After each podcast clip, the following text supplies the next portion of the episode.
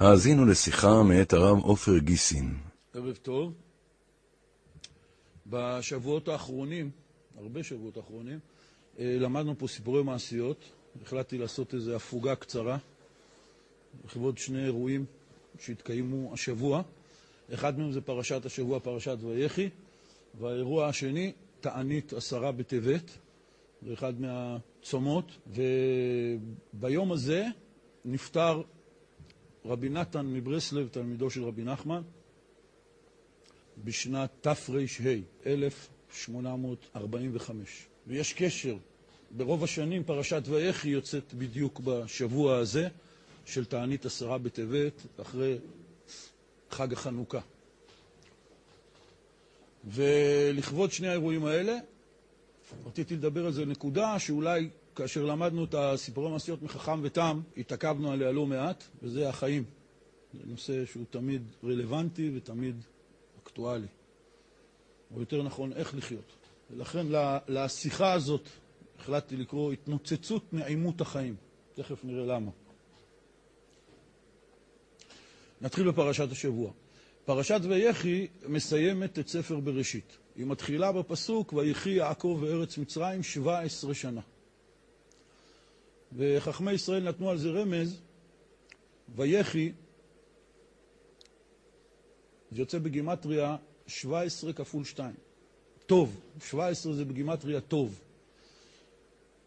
והם אומרים שהשנים שה... הטובות היחידות שהיו בחייו של יעקב אבינו, שעבר אה, חיים קשים, אלו היו 17 השנה מהיום שנולד לו בנו יוסף עד שהוא נחטף ממנו, וה-17 שנה שהוא חי את שנותיו האחרונות במצרים. יעקב אבינו בעצמו אומר שהיו לו חיים לא פשוטים.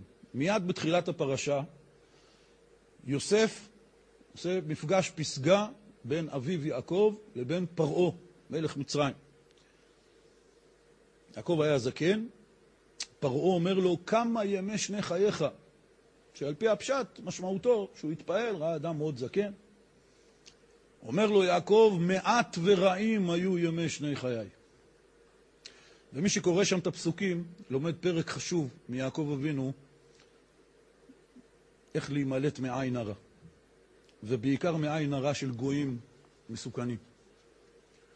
זאת הייתה שיטה של יעקב אבינו, כאשר בניו ירדו למצרים לאסוף אוכל, אומר להם, למה תתראו? כלומר, צניעות, ענווה, אל תעורר עליך תשומת לב מיותרת. בפסוקים רואים שיעקב מנסה להגיד לפרעה, אל תתפעל, אני אומנם מאוד זקן, אבל היו לי חיים מאוד קשים ואין מה לקנא בי. אבל חייו של יעקב אבינו באמת היו קשים.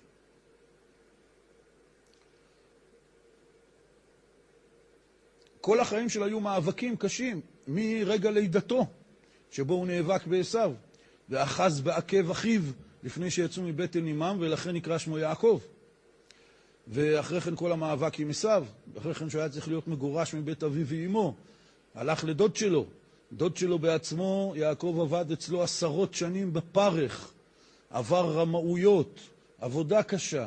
אחרי כן, כאשר הוא כבר חוזר עם נשיו וילדיו ורכושו לארץ ישראל, עשיו בא לקראתו. הוא צריך להימלט ממנו, וזה עוד לפני שהוא ניצל מזה שלבן רדף אחריו, וכן הלאה על זה הדרך, הסיפורים ידועים, ולמי שהם לא ידועים ודאי מומלץ ללמוד פרשות השבוע של ספר בראשית. אבל יעקב אבינו היה לו עוד נקודה מאוד מאוד חשובה. זה לא רק שהיה לו חיים קשים, הוא לא לימד אותנו חיים קשים, הוא לימד אותנו מאבקים. זה השם שלו. שמו של יעקב הוחלף בשם ישראל, אחרי שהוא נאבק עם המלאך. ואז המלאך אומר לו, לא יעקב יקרא עוד שמך, כי אם ישראל, כי שרית עם אלוהים ועם אנשים, ותוכל. שרית פירושו נלחמת, ותוכל פירושו ניצחת. כלומר, השם ישראל פירושו נלחמת וניצחת. וזה המהות של עם ישראל. אנחנו עם שנקראים על שמו של אדם אחד. עם ישראל זה נקרא על שם אדם אחד שקראו לו ישראל, יעקב אבינו.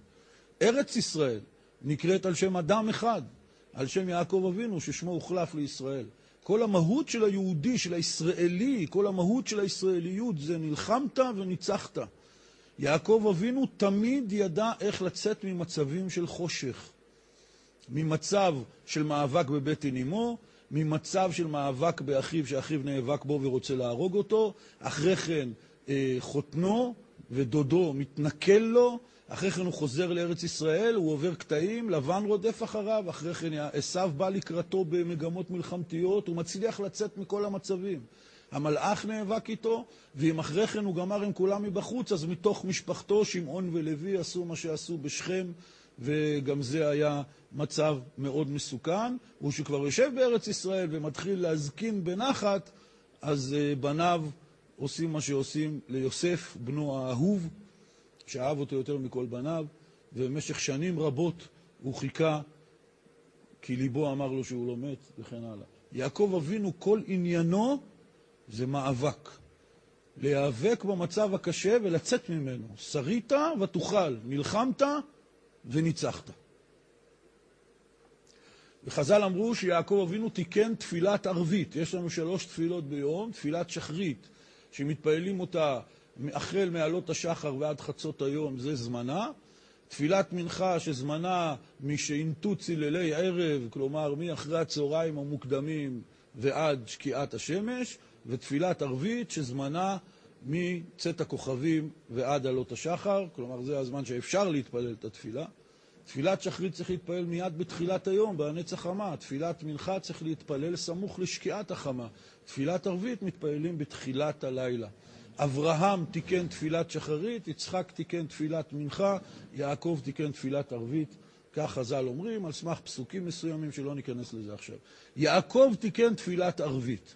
יעקב, אבינו, ישראל, שכל אחד ואחד מאיתנו נקרא על שמו, תיקן לנו את התורה הזאת, את הלימוד הזה, איך להתפלל בזמן החושך. זה הלימוד של יעקב אבינו. והלימוד של יעקב אבינו, כמו שכתוב בפרשה הקודמת, כאשר הם מספרים לו שיוסף חי, כתוב, ותחי רוח יעקב אביהם. ובפרשה הזאת כתוב, ויחי יעקב בארץ מצרים 17 שנה. אנחנו מדברים פה על החיים. המסר, שנגיד אותו בתור כותרת, שזה מסר שצריך לחזור עליו יום-יום, כל אחד ואחד מאיתנו, זה שחיים טובים זה לא הכוונה שהכל מסתדר והכל בסדר. זה לא... זה גם יכול להיות חיים טובים, אבל זה, זאת לא ההגדרה היחידה. החיים זה לא מה שקורה לך, אלא זה איך אתה מגיב לזה.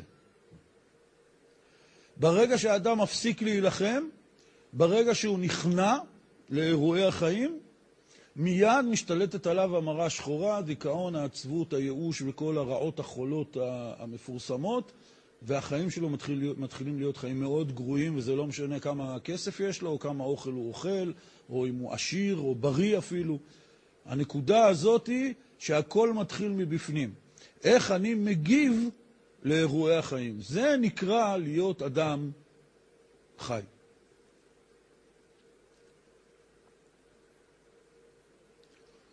רבי נתן מברסלב נולד בט"ו בשבט, שנת תק"מ,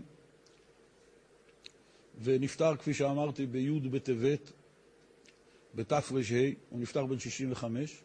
בגיל 20 בערך הוא הכיר את רבי נחמן מברסלב, שהפך להיות מורו ורבו, ומשם והלאה, במשך 45 שנה, רבי נתן הקדיש את כל חייו רק כדי להנציח את מורשתו ותורתו של רבי נחמן, ורבי נחמן בעצמו אמר, אלמלא רבי נתן לא היה נשאר ממני אפילו דף אחד. כל מה שיודעים היום על חסידות ברסלב, כל הספרים של חסידות ברסלב, את כולם כתב רבי נתן. הוא עבר התנגדות מאוד מאוד קשה במשפחתו כאשר הוא התקרב לרבי נחמן, מאביו, מחותנו, ממשפחתו. כשרבי נחמן אה, נפטר, רבי נתן היה רק בן שלושים ומשהו, ומשם והלאה, במשך שלושים ומשהו שנה, הוא הקדיש את חייו להנציח את מורשתו של רבי נחמן בספרים, בקירוב אנשים וכן הלאה, הוא ניהל בעצם את הכל.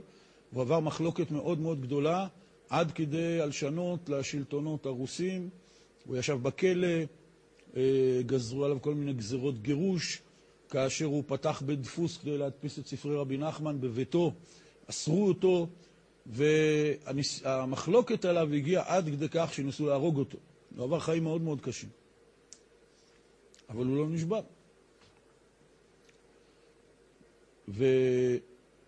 וכאשר הוא נפטר, המילים האחרונות שלו, ככה יש לנו עדות מאנשים שכתבו כאשר הם היו שם, זה היה כל הזמן, הוא חזר על המילים חנון המרבה לסלוח. חנון המרבה לסלוח, שזה סיום של ברכה מתפילת שמונה עשרה, אה, שאנחנו מתפללים כל יום. אנחנו מברכים ברוך אתה השם, אה, חנון המרבה לסלוח. ובדור אחריו, אחד מחסידי ברסלב חישב ומצא שהמילים חנון המרבה לסלוח הם בגימטריה נתן, שזה השם שלו. זאת הייתה המהות של רבי נתן. זה המסר הזה, שהיום, בדורנו, בזמננו ממש, חם חם מהתנור, המסר הזה הוא כל כך רלוונטי וכל כך תופס המון המון אנשים, זה המסר של ההתחזקות שיש בתורתו של רבי נחמן, וכפי שאמרו חסידי ברסלב, זה השם של רבי נחמן, נחמן, זה המהות שלו, זה המקצוע שלו. מה שנשמות ישראל צריכים בדור הזה זה נחמה. ואת זה רבי נחמן מביא להם עם הדיבורים שלו, עם התורות שלו, עם העצות שלו, ובעיקר עם המשהו הזה שלו, שלא יודעים להגדיר מה זה, שאיכשהו תופס אנשים. ורבי נתן רומז על זה הרבה פעמים, יש איזו אש בוערת שנתפסת בלבבות האנשים, וכנראה על האש הזאת רבי נחמן אמר, האש שלי תוקד עד ביאת המשיח. אבל הכל אנחנו חייבים לרבי נתן. רבי נתן, חוץ מזה שהוא היה עסקן גדול וניהל את כל חסידות ברסלב, וכתב את כל ספרי רבי נחמן, כלומר הוא היה הסופר שלו והעורך והמשלים והמסביר והמדפיס. שלושת הספרים שרבי נחמן כתב, ליקוטי מוהר"ן, סיפורי מעשיות וספר המידות. אבל רבי, נחמן, רבי נתן בעצמו כתב עוד ספרים בעצמו. גולת הכותרת של הספרים שלו זה שני ספרים מאוד מפורסמים, אחד ליקוטי תפילות, ששם הוא כתב תפילות, בלשונו הוא על פי התורות של רבי נחמן, כי רבי נחמן יש לו עצה מאוד נפלאה וחשובה, שצריך לעשות מתורות תפילות.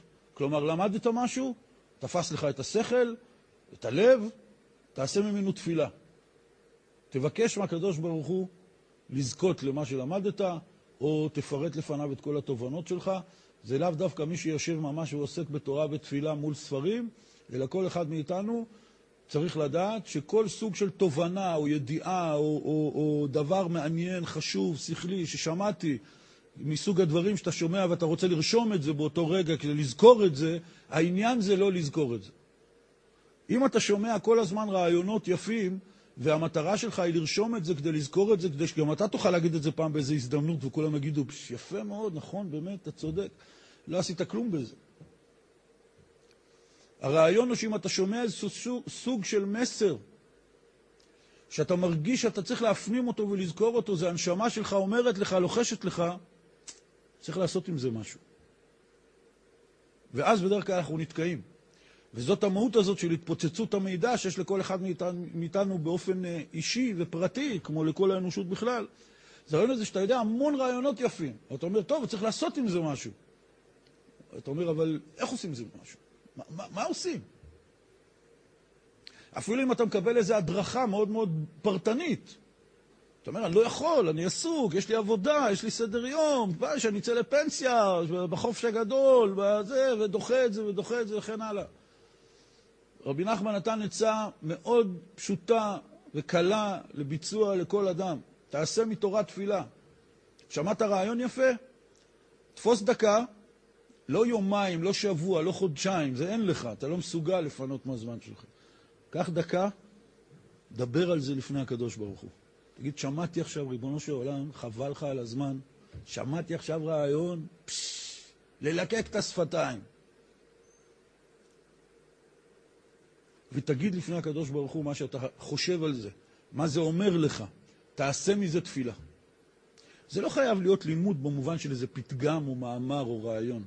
זה יכול להיות שאתה רואה סרט, קורא ספר, פוגש אדם מסוים, ו- ומשהו בו או בחיים שלו או במעשים שלו מעורר לך את הלב, אתה אומר, גם אני הייתי רוצה להיות כזה. אז בבקשה, לך לפינה.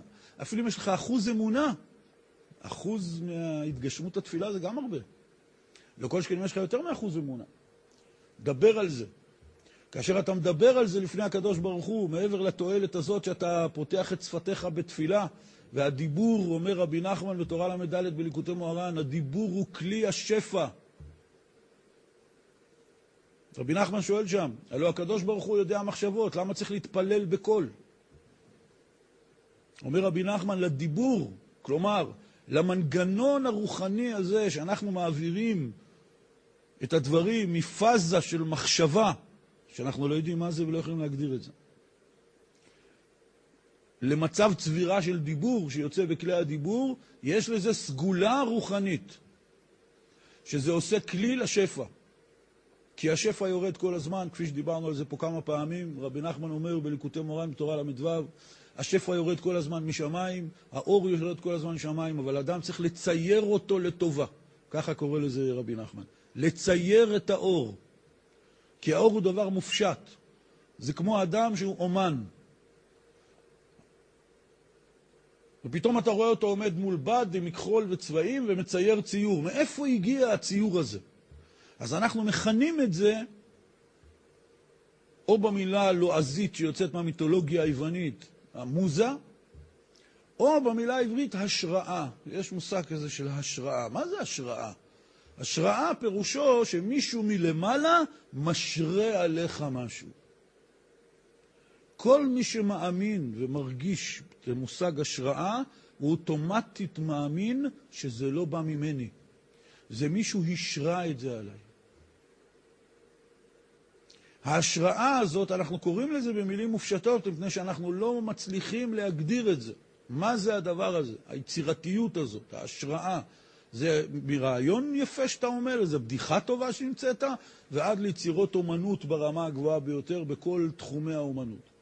ההשראה הזאת זה האור שיורד מלמעלה. השרב של האדם שיודע ויש לו את הכלים ואת הזמן ואת החשק לקחת את ההשראה היצירתית שיורדת עליו מלמעלה ולבטא אותה בכלים, במעשים, בציור, שיר, סרט, ספר, כל הצורות. אנחנו מקנאים באנשים כאלה. כי אין אדם שאין לו רגעים של השראה, אבל הוא לא יודע מה לעשות עם זה. זה כאילו השלב עוד לפני שכותבים למגירה. כשאדם כותב למגירה זה גם בסדר, כי לכאורה מה, מה ההבדל? מה זה משנה? בסדר, אני אוציא ספר והוא יהיה רב-מכר, מה זה ייתן לי? כבוד, גאווה, כסף? לא על זה אנחנו מדברים. ברגע שאני כותב למגירה, אז אני כותב, יש לי משהו, אני עושה משהו עם השפע. אבל ברגע שאני לא עושה כלום עם השפע, השפע הזה מתבזבז. וזה מה שקורה לכל אחד מאיתנו. רבי נחמן אומר לנו, וזה יסוד גדול ביהדות, שהקדוש ברוך הוא משפיע על כל אחד ואחד מאיתנו בכל יום ויום אורות רבים מכל הסוגים ובשפע גדול. ברגש, בשכל, בטובה גשמית, בטובה רוחנית, רק כל העניין שאדם כל הזמן צריך להגיש כלי. ועל ידי שהאדם מדבר, הוא עושה כלי לשפע, ככה אומר רבי נחמן. על ידי זה הוא מצייר את האור לטובה. לוקח את האור הזה ושם אותו בכלים.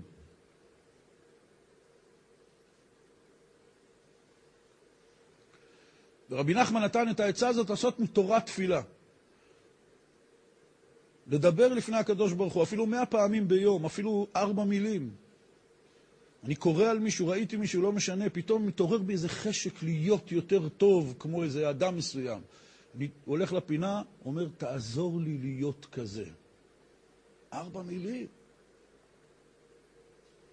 או לפעמים אני פוגש מישהו ואני הולך לפינה ואומר, תעשה שאני לא אהיה כזה. בוודאי רצוי יותר להרחיב בדיבור. רבי נחמן אמר לעשות מתורות תפילות, שכל אדם שלומד תורה צריך לעשות מכל דבר שהוא לומד תפילה. יפה, רעיון יפה, אבל היה לו תלמיד נאמן, רבי נתן. רבי נתן התיישב וכתב ספר עבה, ליקוטי תפילות, שהולך על פי סדר התורות בספר ליקוטי מוהר"ן, שהוא ספר התורות של רבי נחמן, ונהיה אחד הספרים שכבר מאות מאות אלפי אנשים במאה ומשהו שנה האחרונות, הספר הזה פשוט טעמו בו טעם גן עדן. וכמעט מובטח לכל אחד שיעשה את זה. שהוא ירגיש דברים נפלאים. זה הספר הראשון שרבי נתן כתב, אבל הספר השני הוא יותר מרשים, מבחינה כמותית גם. הוא כתב את ספר התורות שלו, נקרא ספר ליקוטי הלכות, שבו רבי נתן הולך על פי סדר השולחן ערוך, ספר ההלכה של עם ישראל, שמחולק לארבעה טורים, אורח חיים, יורה דעה, אבן העזר וחושן משפט. וזה בעצם ספר ההלכה היסודי של עם ישראל. רבי נתן הלך על פי סדר השולחן ערוך, ובכל הלכה והלכה, כמו הלכות השכמת הבוקר, הלכות תפילין, או הלכות בשר וחלב, או הלכות דיני ממונות וכן הלאה, כתב על כל מצוות התורה המופיעות בהלכה את המשמעות הפנימית שלהן, על פי החסידות והקבלה ועל פי תורתו של רבי נחמן. הספר הזה, יש בו שמונה כרכים עבים באותיות קטנות, כפולי טורים, יש בו 2,600 דף. זה ספר גדול מאוד, אחד הספרים הגדולים ביותר שכתבו בכלל ביהדות, מבחינת כמות, ודאי מבחינת איכות.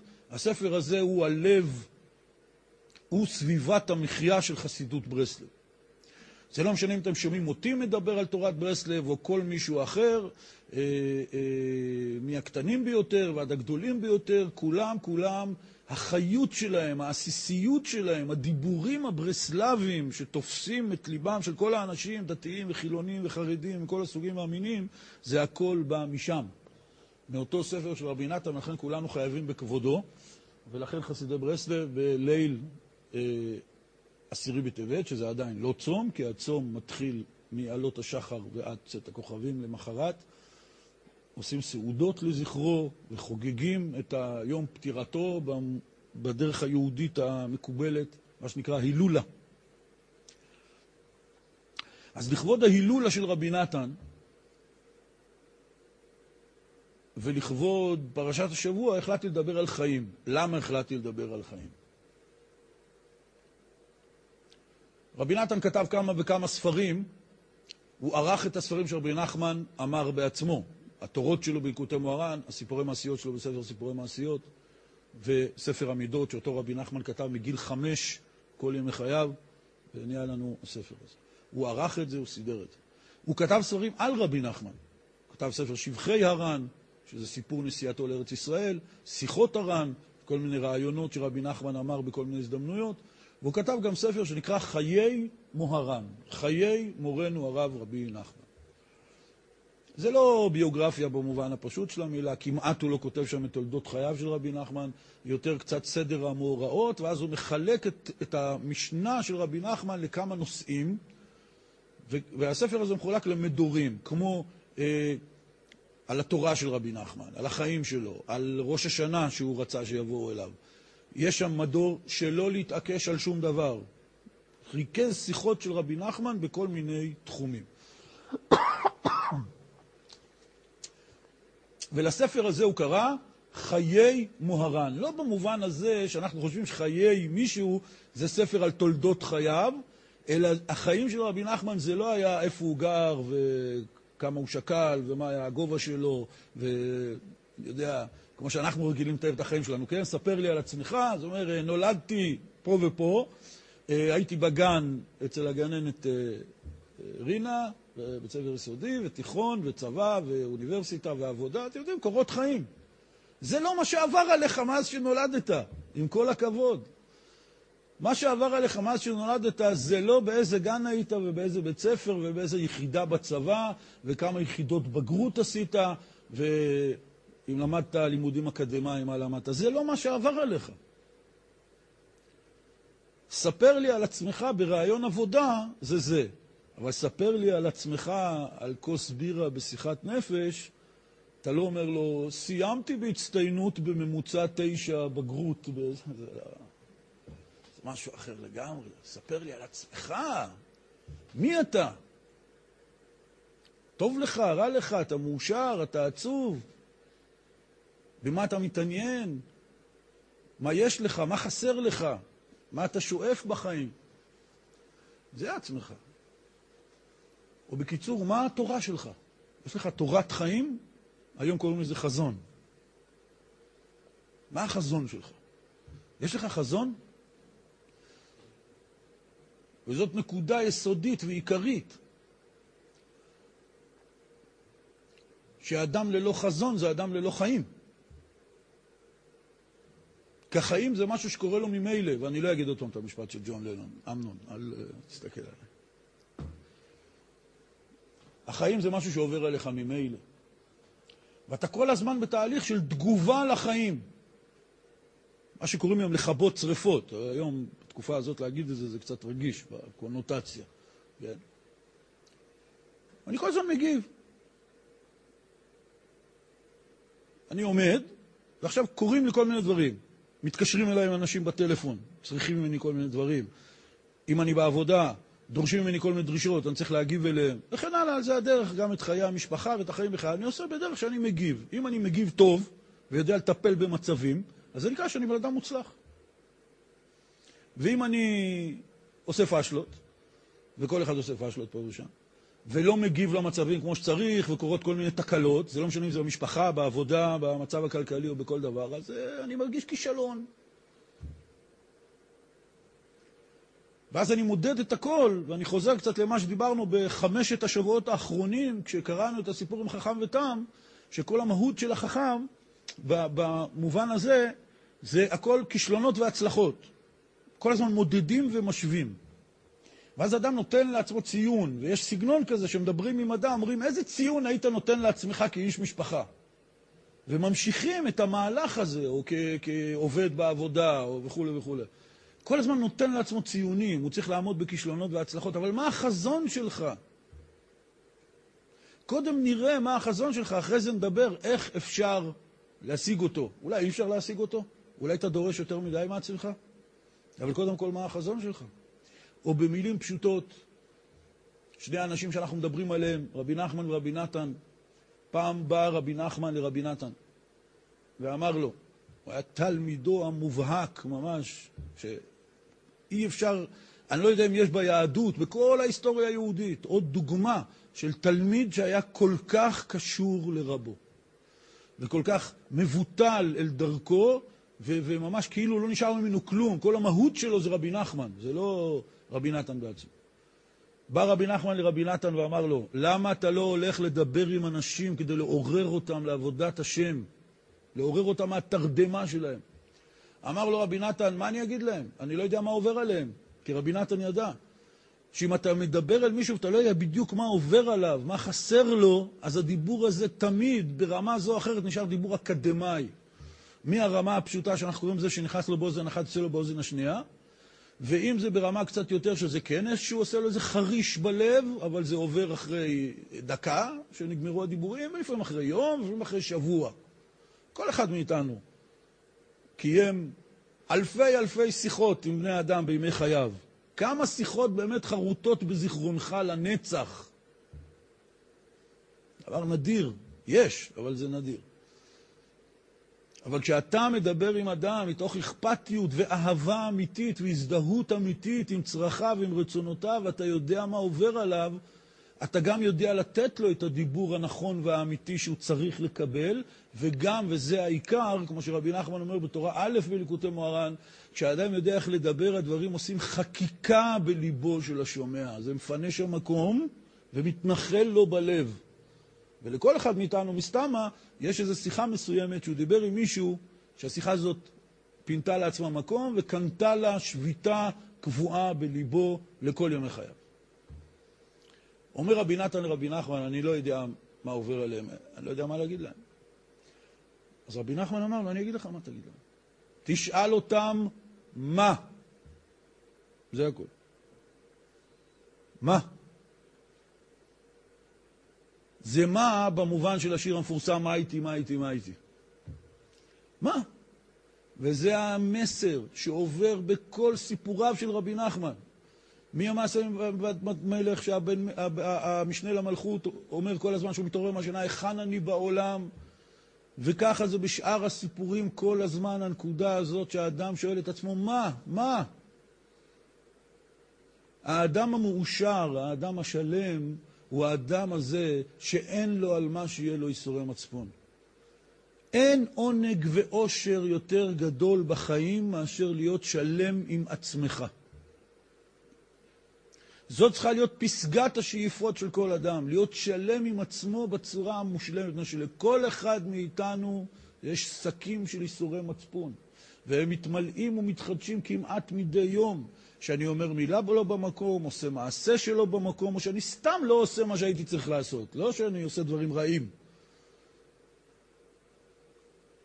ואמר מי שאמר, ככה במסגרת אה, פינת הפתגמים, הוא אמר שלהתבגר זה פירושו ללמוד איך להתגבר על איסורי מצפון.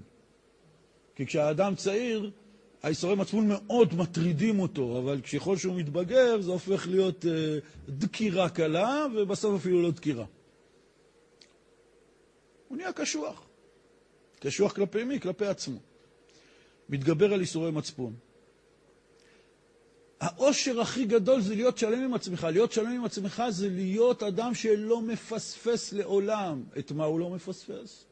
לא את האתגרים הפרפקציוניסטיים, המופרזים ולפעמים השליליים שהוא מציב לעצמו. הוא לא מפספס את עצמו, ועל זה דיברנו, זה הדמות של התם. רבי נחמן אומר לו, תשאל אותם מה? אין לך שום דבר בעולם חוץ מהחיים שלך.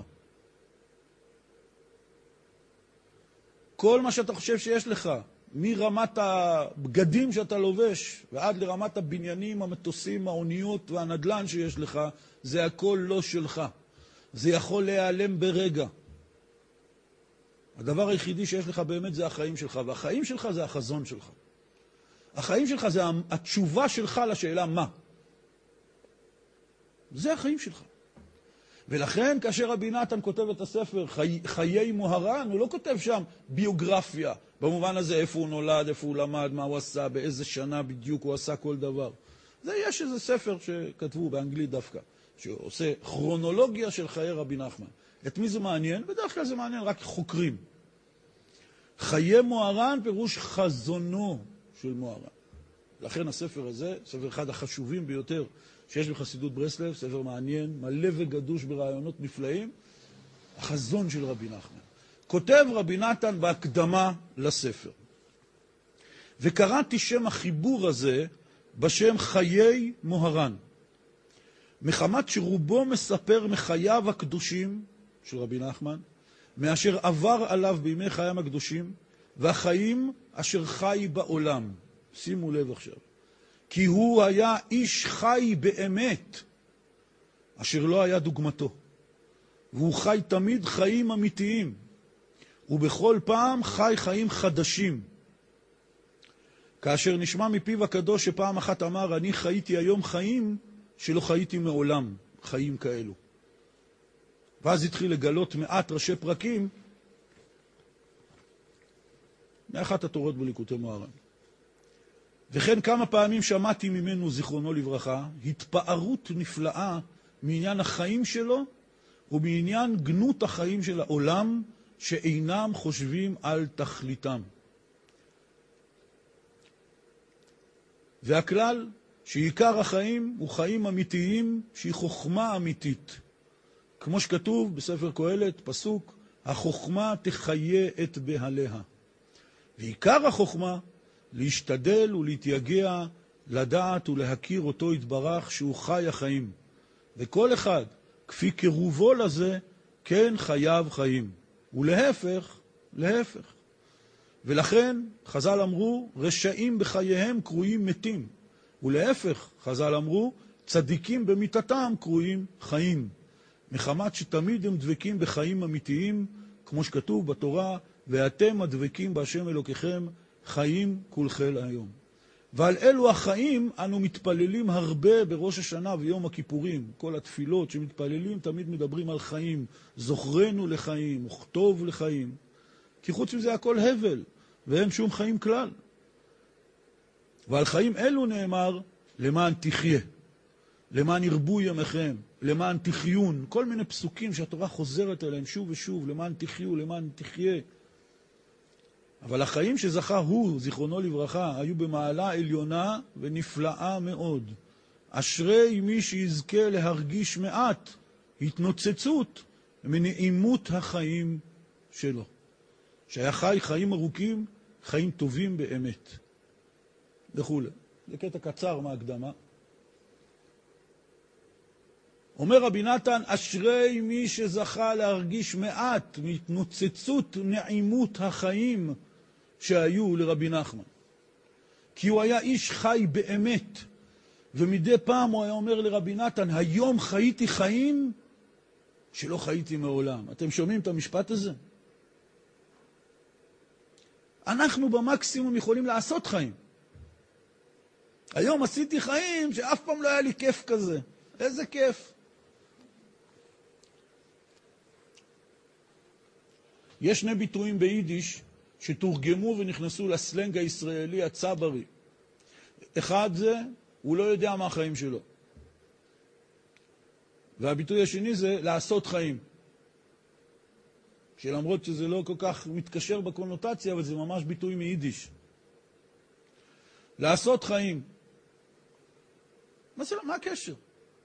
מה זאת אומרת לעשות חיים? אנחנו כל כך רגילים למשפט, זה נראה נורא טבעי. איך אפשר לעשות חיים? חיים או שחיים או שלא חיים. מה זה לעשות חיים? מתכוונים, יצאנו מהשעמום. מילאנו את החיים ככה במשהו עם ערך. אתה יודע, כאילו, אכלנו גלידה, פיצה, רכבת הרים. עשינו כיף. כיף, זה בסדר. אני לא יודע מה המשמעות של המילה, אבל זה נשמע. לעשות חיים. זה מה שאדם צריך לעשות. אדם צריך לעשות את החיים שלו. אחרת החיים שלו יהפכו להיות משהו שקורה מעצמו, ובדרך כלל די מייאש ומתסכל, והוא כל הזמן מרגיש מפוספס. צריך לעשות את החיים שלו. עכשיו השאלה, איך עושים חיים? זו שאלה גדולה. שאלה... בטח לא במדריך לבילוי של אה, עכבר העיר. ככה לא עושים חיים.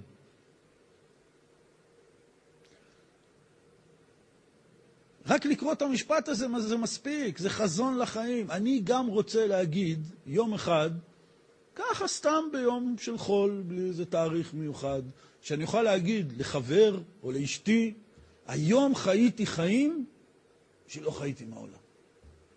אומר רבי, רבי נתן, אלה החיים האמיתיים. החיים האמיתיים זה חיים של חוכמה, כי החוכמה תחיה את בעליה.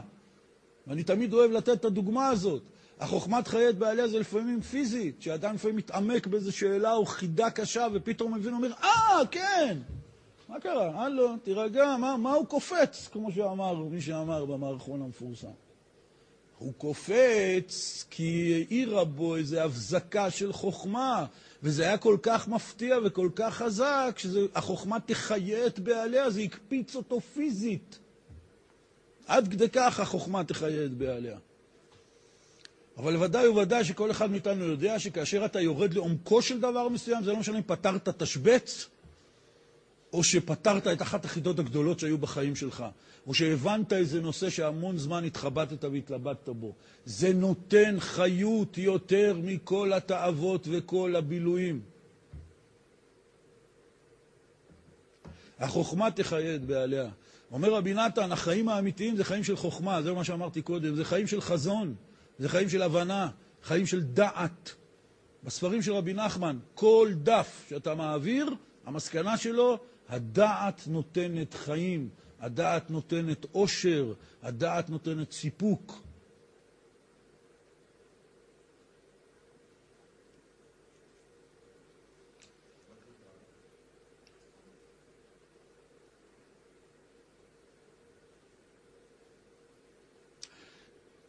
על פי התורה ופנימיות התורה,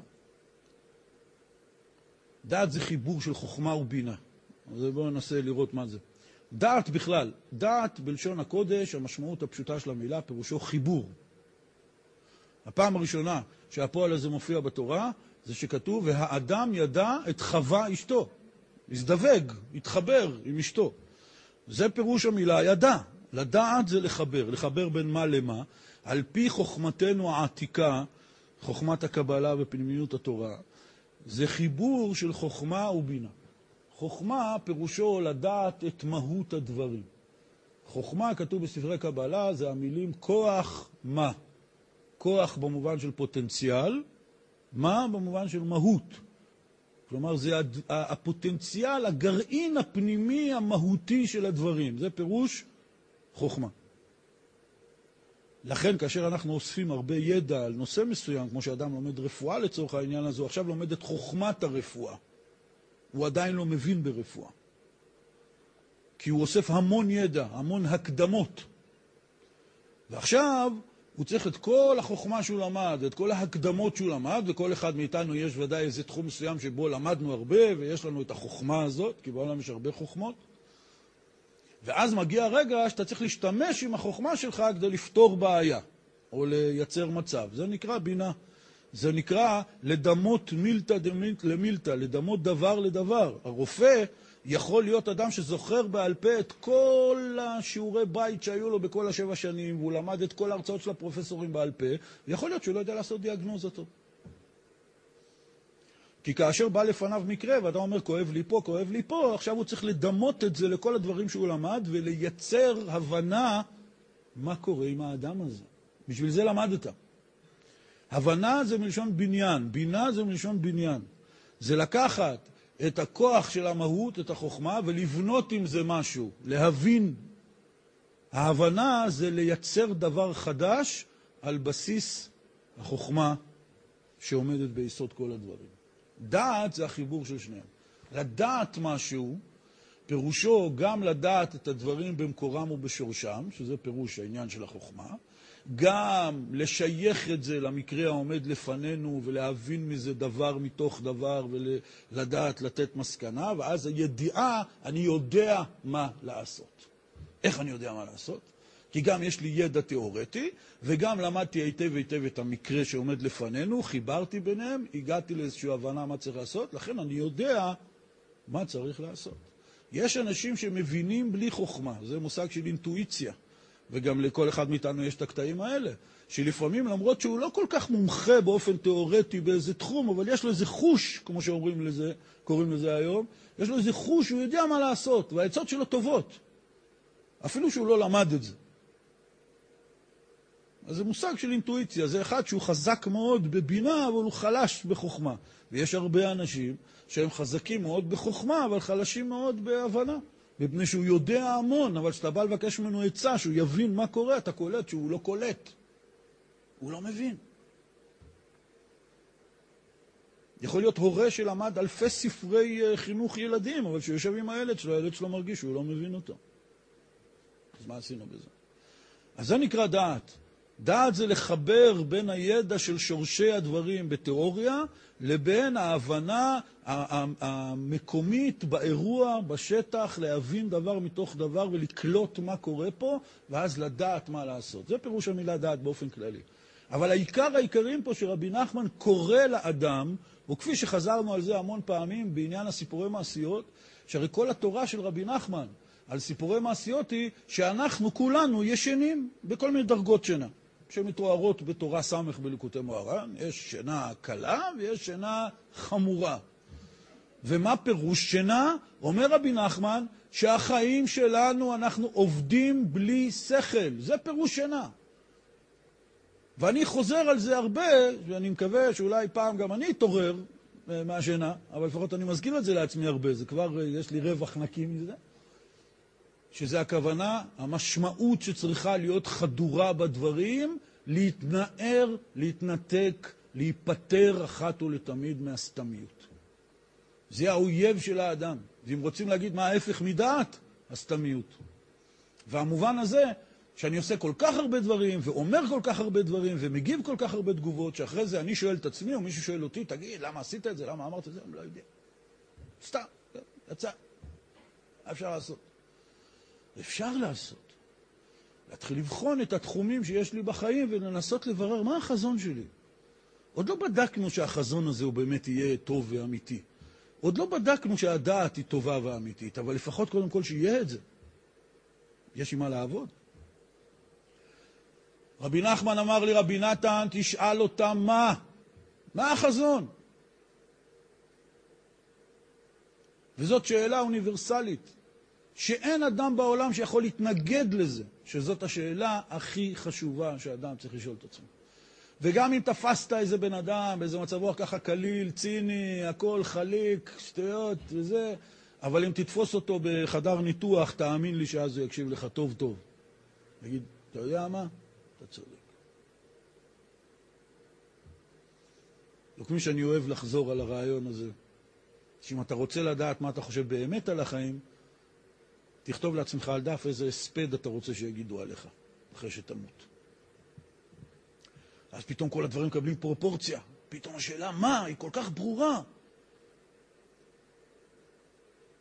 כי אני לא רוצה שיגידו עליי, הוא מאוד אהב מסטיק בזוקה. כן? עוד דברים יותר חמורים שלא נזכיר. לא, לא, לא, אני רוצה שיגידו, הוא היה בן אדם טוב, הוא תמיד עזר לכולם, הוא היה בן טוב, היה בעל טוב, היה חבר טוב, היה בן אדם נפלא, תמיד הטובים הולכים. זה מה שאני רוצה שיגידו עליי. גם ככה יגידו את זה עליי, אבל אני לא רוצה שישקרו. זה הנקודה. אני רוצה שזה יהיה אמיתי. אז אם אני רוצה לדעת, וזה דבר נפלא לכל אדם, עצה נפלאה, אמרתי את זה כבר למאות אנשים, אולי יותר ממאות, אני לא יודע מי מקיים את זה, פשוט תיקח דף ותכתוב על עצמך מה היית רוצה שיכתבו עליך אחרי 120. שהכל יהיה אמיתי. זה המה, שאתה, אתה, מאמין בו, ואתה לא חי את החיים לפי האמונה שלך. זאת הבעיה. זאת הבעיה. כל הבעיה של כולנו זה שאנחנו לא דתיים. כולנו. גם הדתיים לא דתיים. כי יש לי דת, יש לי חוק, פירוש המילה דת זה חוק, יש לי חוק בתוך ליבי. מה בסדר, מה לא בסדר, מה לעניין, מה לא לעניין, מה ראוי, מה לא ראוי, מה נכון, מה לא נכון. יש לי את זה כבר בלב, אצלי, חזק, במצפון. אני לא חי לפי זה. אני לא דתי בדת שלי. זאת הבעיה שלי, מזה אני מתוסכל ומרגיש מפוספס.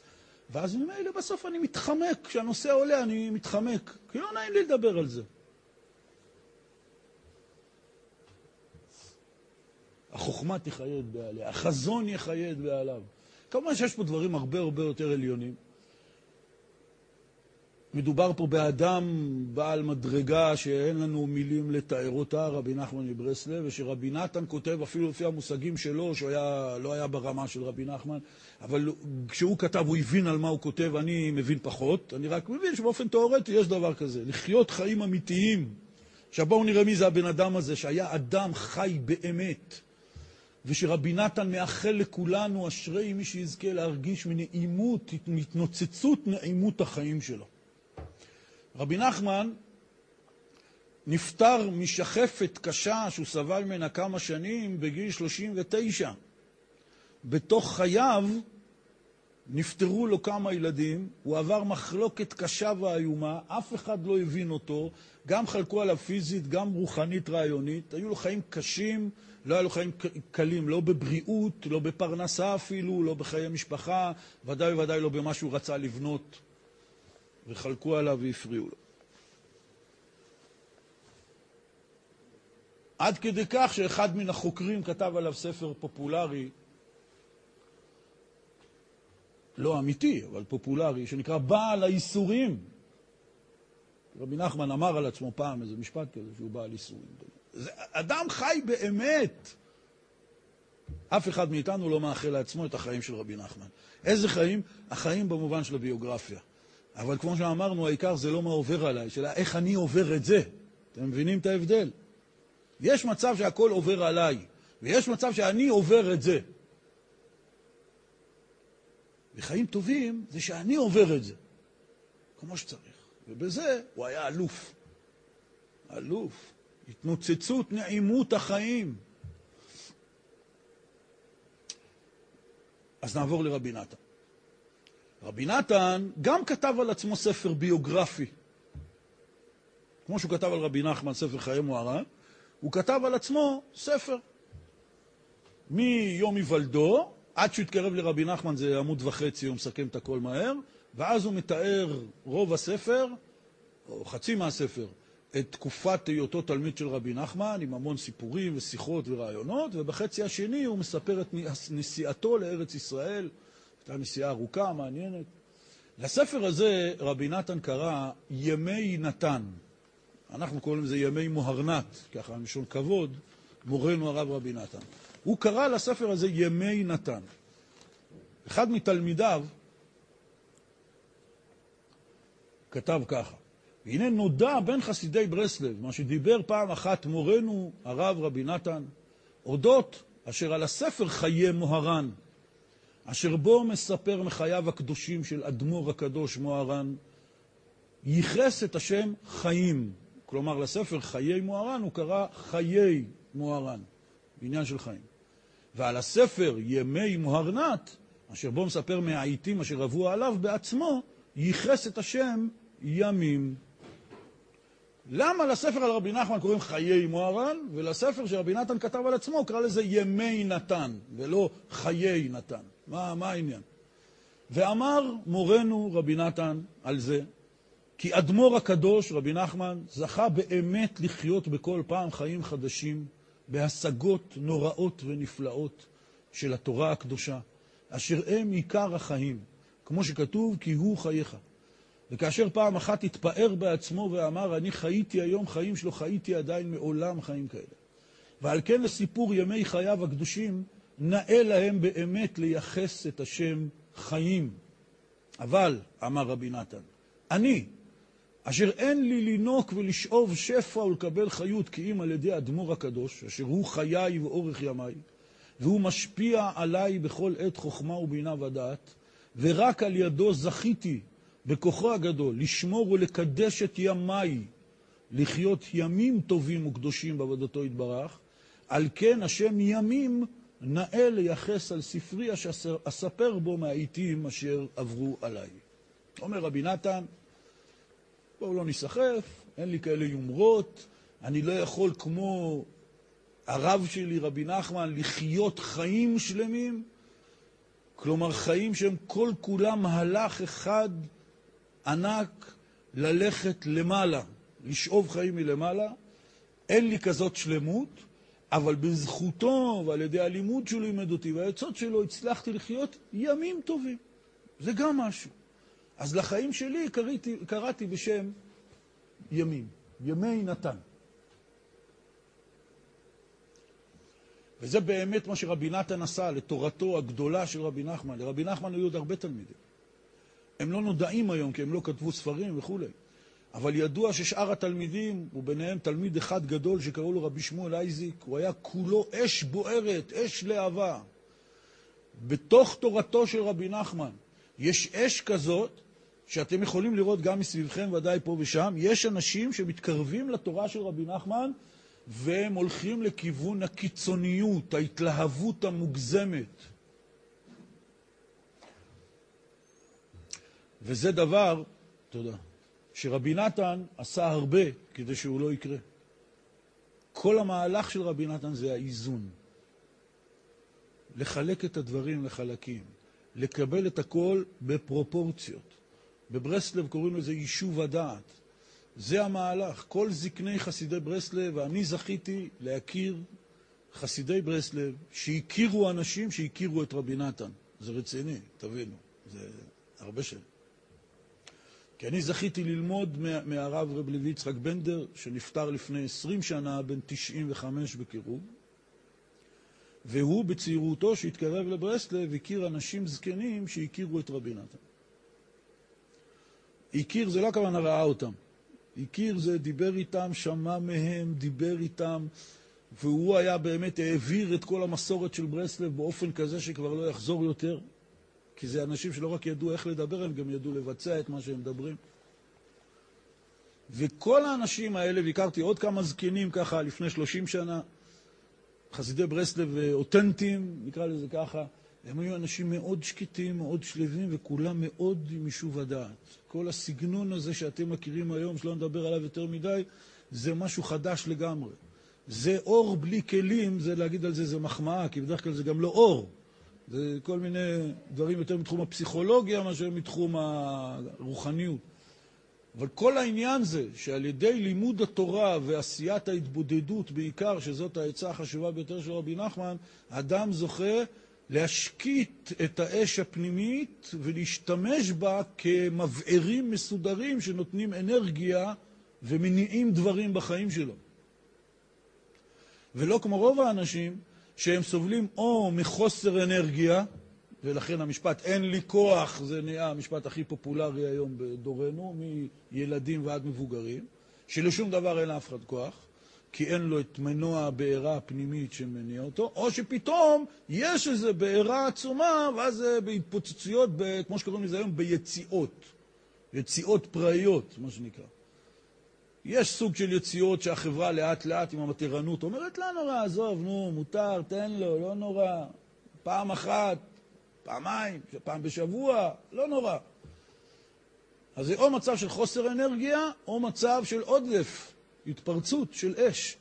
כל הסוד הגדול של תורת רבי נחמן, וזה לא הזמן והמקום לדבר על זה, זה העניין הזה, זה איך לשמור על הבעירה הפנימית כל הזמן, וגם איך להכניס אותה בפנים באופן כזה שהיא תניע. אני חייב רק להגיד על הנושא הזה משפט מאוד מאוד יפה.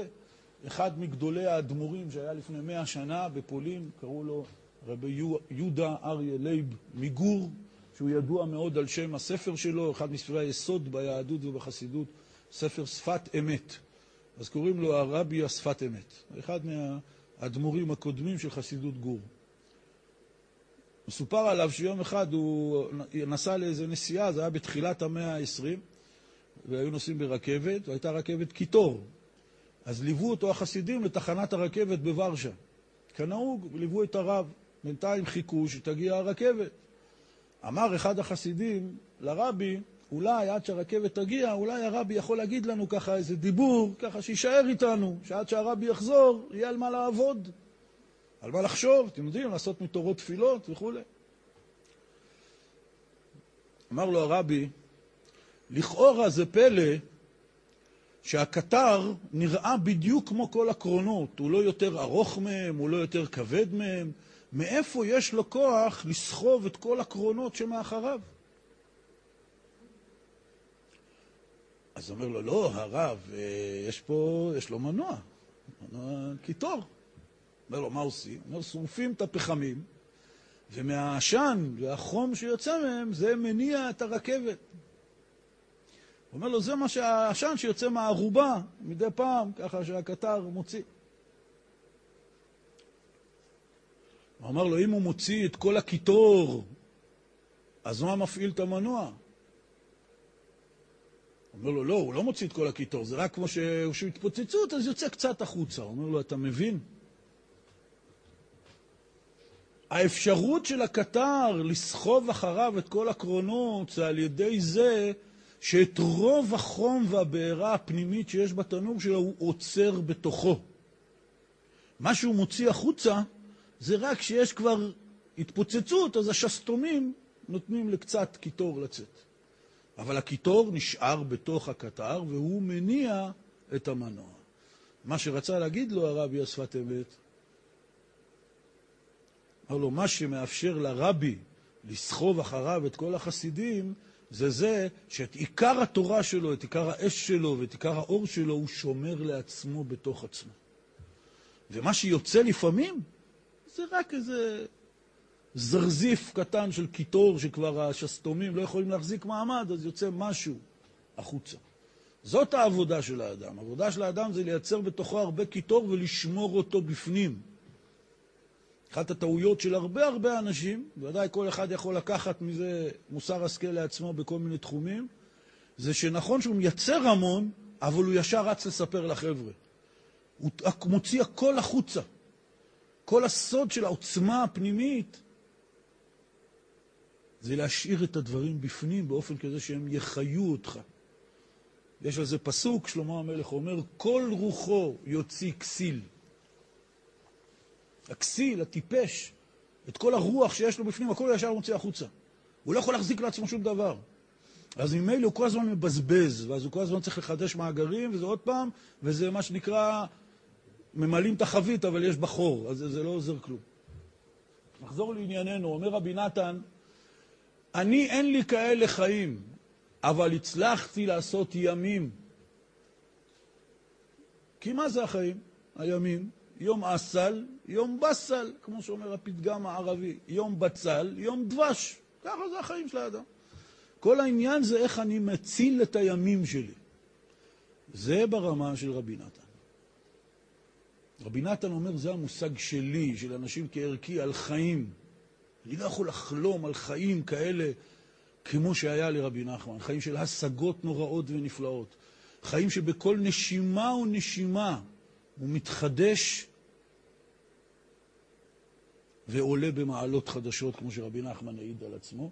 וכפי שכל אחד שלומד את התורה שלו, אפילו ברמה של אנשים פשוטים כמונו, אפשר לראות את עוצמת היצירתיות והעומק שרבי נחמן נסע פעם כשהוא היה כבר חולה שחפת והרופאים אמרו שצריך מדי יום לצאת מחוץ לעיר לשאוף אוויר צח אז היו נוסעים איתו כל יום כמה חסידים בעגלה מחוץ לעיר.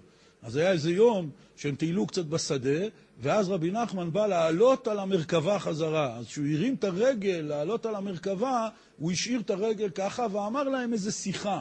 מהשיחה הזאת נהיו כמה תורות בספר ליקוטי מוהר"ן, חלק שני, שתורות שגם אם אדם ילמד אותם שבועות וחודשים, הוא לא יגיע אפילו לאפס קצה ממה שהוא יכול, הוא יכול להגיע להבין בעמקות של זה.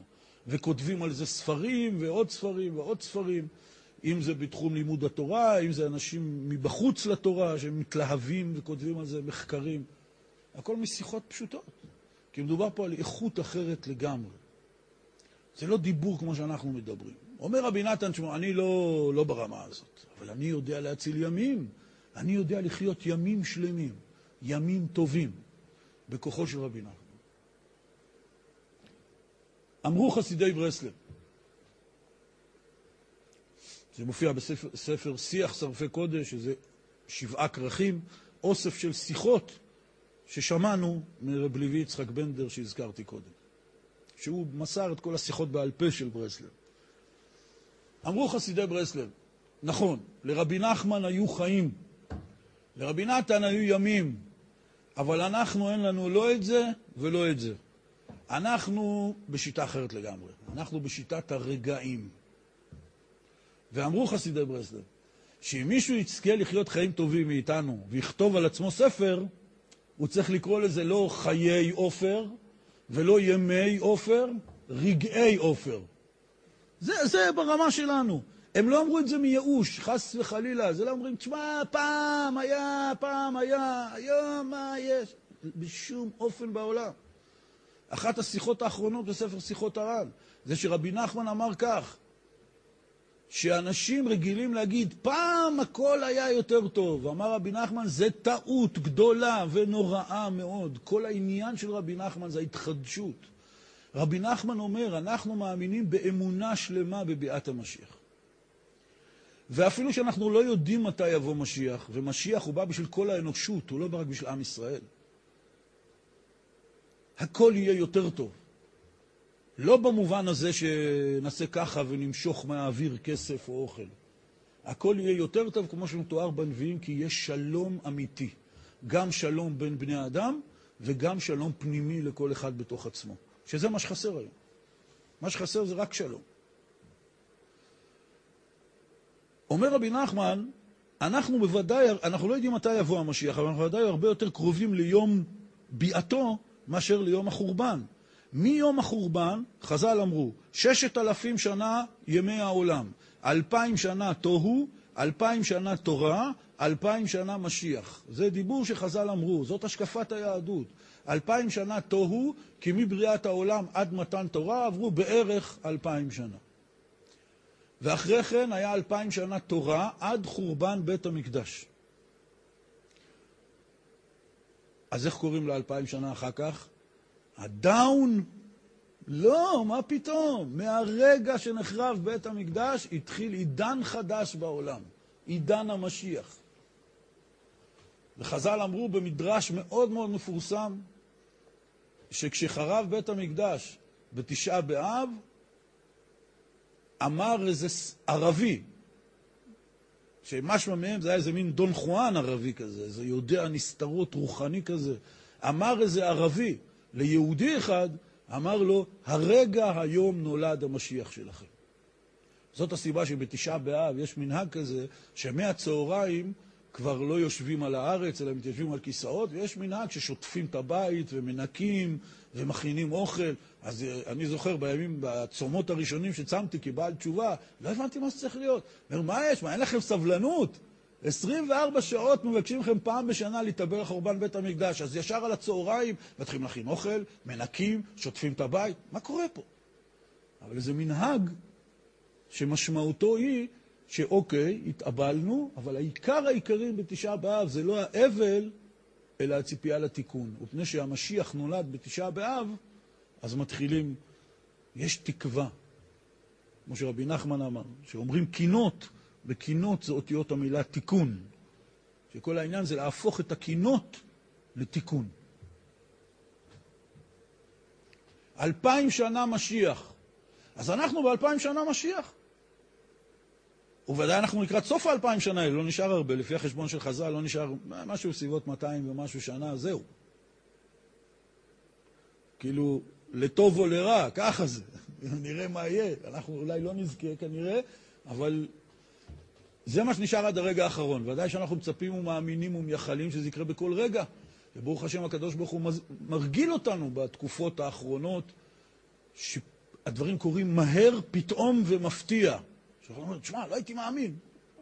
תבין, הגלגל מסתובב מהר, כמו שאמר אחד מגדולי ישראל. והכל מתחרבש ומתבשבש ומתקשקש, ואף אחד כבר לא יודע להסביר, הפרשנים לא מפרשנים והחוזים לא יודעים לחזות. אז זה יכול לקרות פתאום, בעזרת השם, לטובה. אבל בכל מקרה, אומר רבי נחמן, הרי אנחנו, על פי השקפת היהדות, גם על פי השקפת הזקנים האלה, שאומרים, פעם הכל היה יותר טוב, פעם הכל היה אחרת. אומר, גם לשיטתם, אנחנו כל הזמן מתקרבים אל התיקון, אמר רבי נחמן.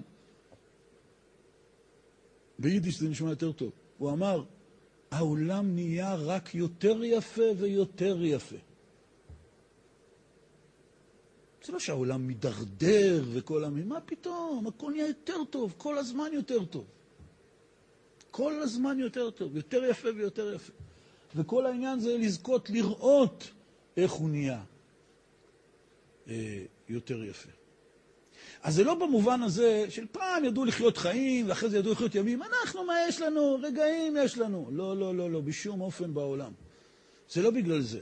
נכון, אנחנו לא ברמה של רבי נחמן לצורך העניין ורבי נתן, אבל גם לפני 500 שנה היו אנשים יותר גרועים מאיתנו, ואפילו בתקופת התנ"ך היו אנשים יותר גרועים מאיתנו. זה לא העניין בכלל, של לקדש את העבר, בשום אופן.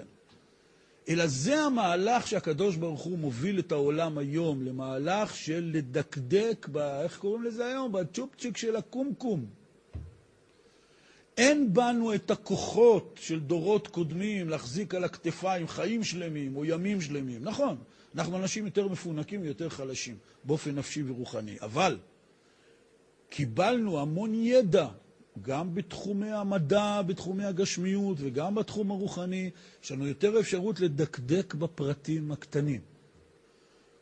ולכן זאת תורת החיים של רבי נחמן ושל רבי נתן,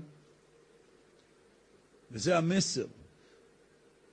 חסידי ברסלב אמרו, יש פסוק שאומר, לרגעים תבחננו. זה כל העניין, האדם נבחן על הרגעים.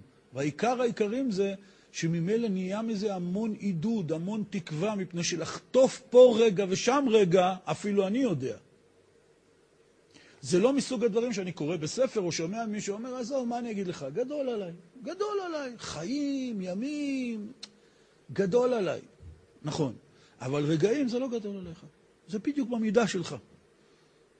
לחטוף רגעים. שבסוף נוכל לכתוב ספר רגעי עופר. היו לי רגעים טובים. פש, יפה. זה אחד הלימודים העמוקים ביותר,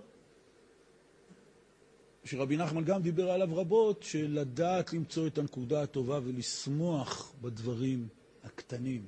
זאת אומנות ההשלמה האמיתית. זאת האומנות של התם שלמדנו בסיפור. זאת האומנות האמיתית של החיים. זאת האומנות של יעקב אבינו. הוא היה במצבים קשים מאוד עוד מהרגע שהוא נולד, עוד שהיה בבטן אמו, ועד לסוף ימי חייו בגיל יותר ממאה שנים. והוא אומר, מעט ורעים היו ימי שני חיי.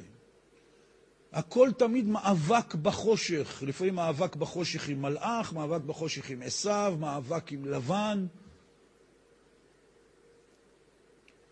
אבל שרית ותוכל, נלחמת וניצחת. זה המהות של היהודי.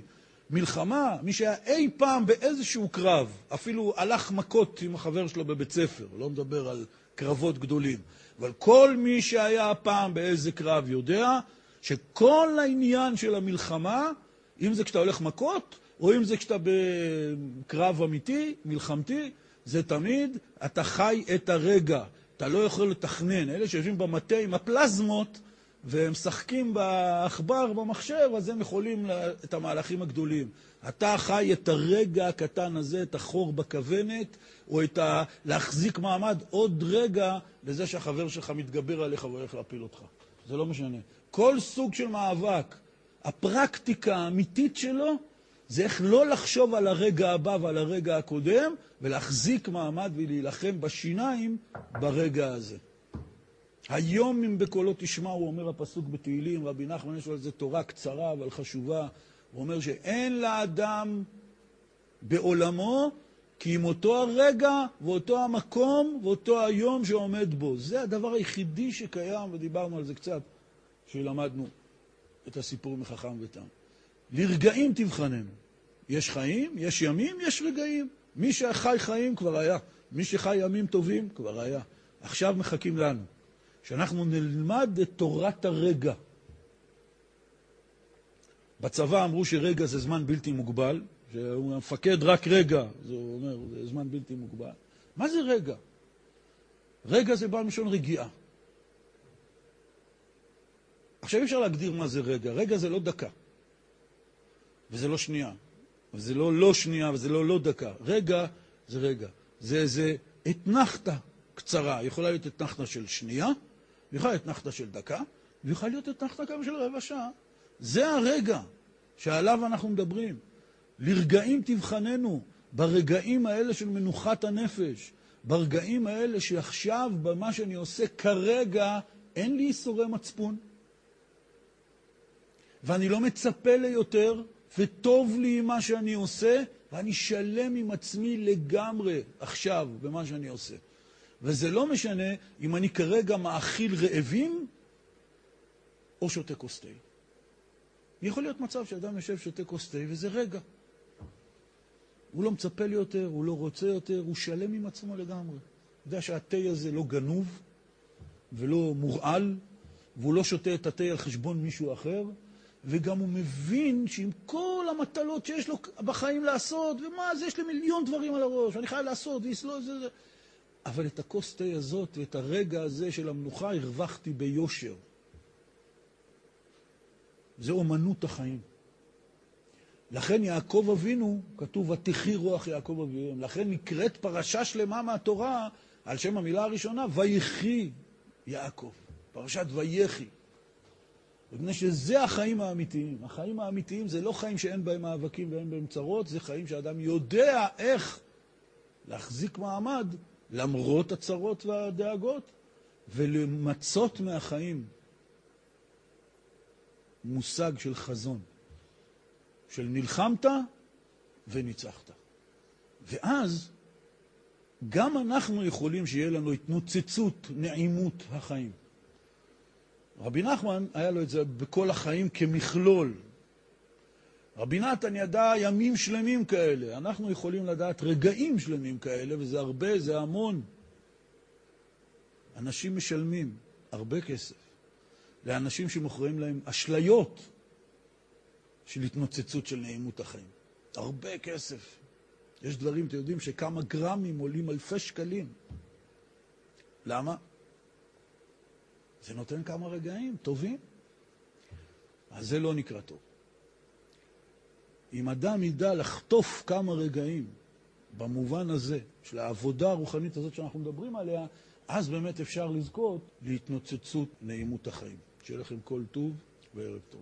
ניתן להשיג שיעורים נוספים מאת הרב עופר גיסין בטלפון 0527 121231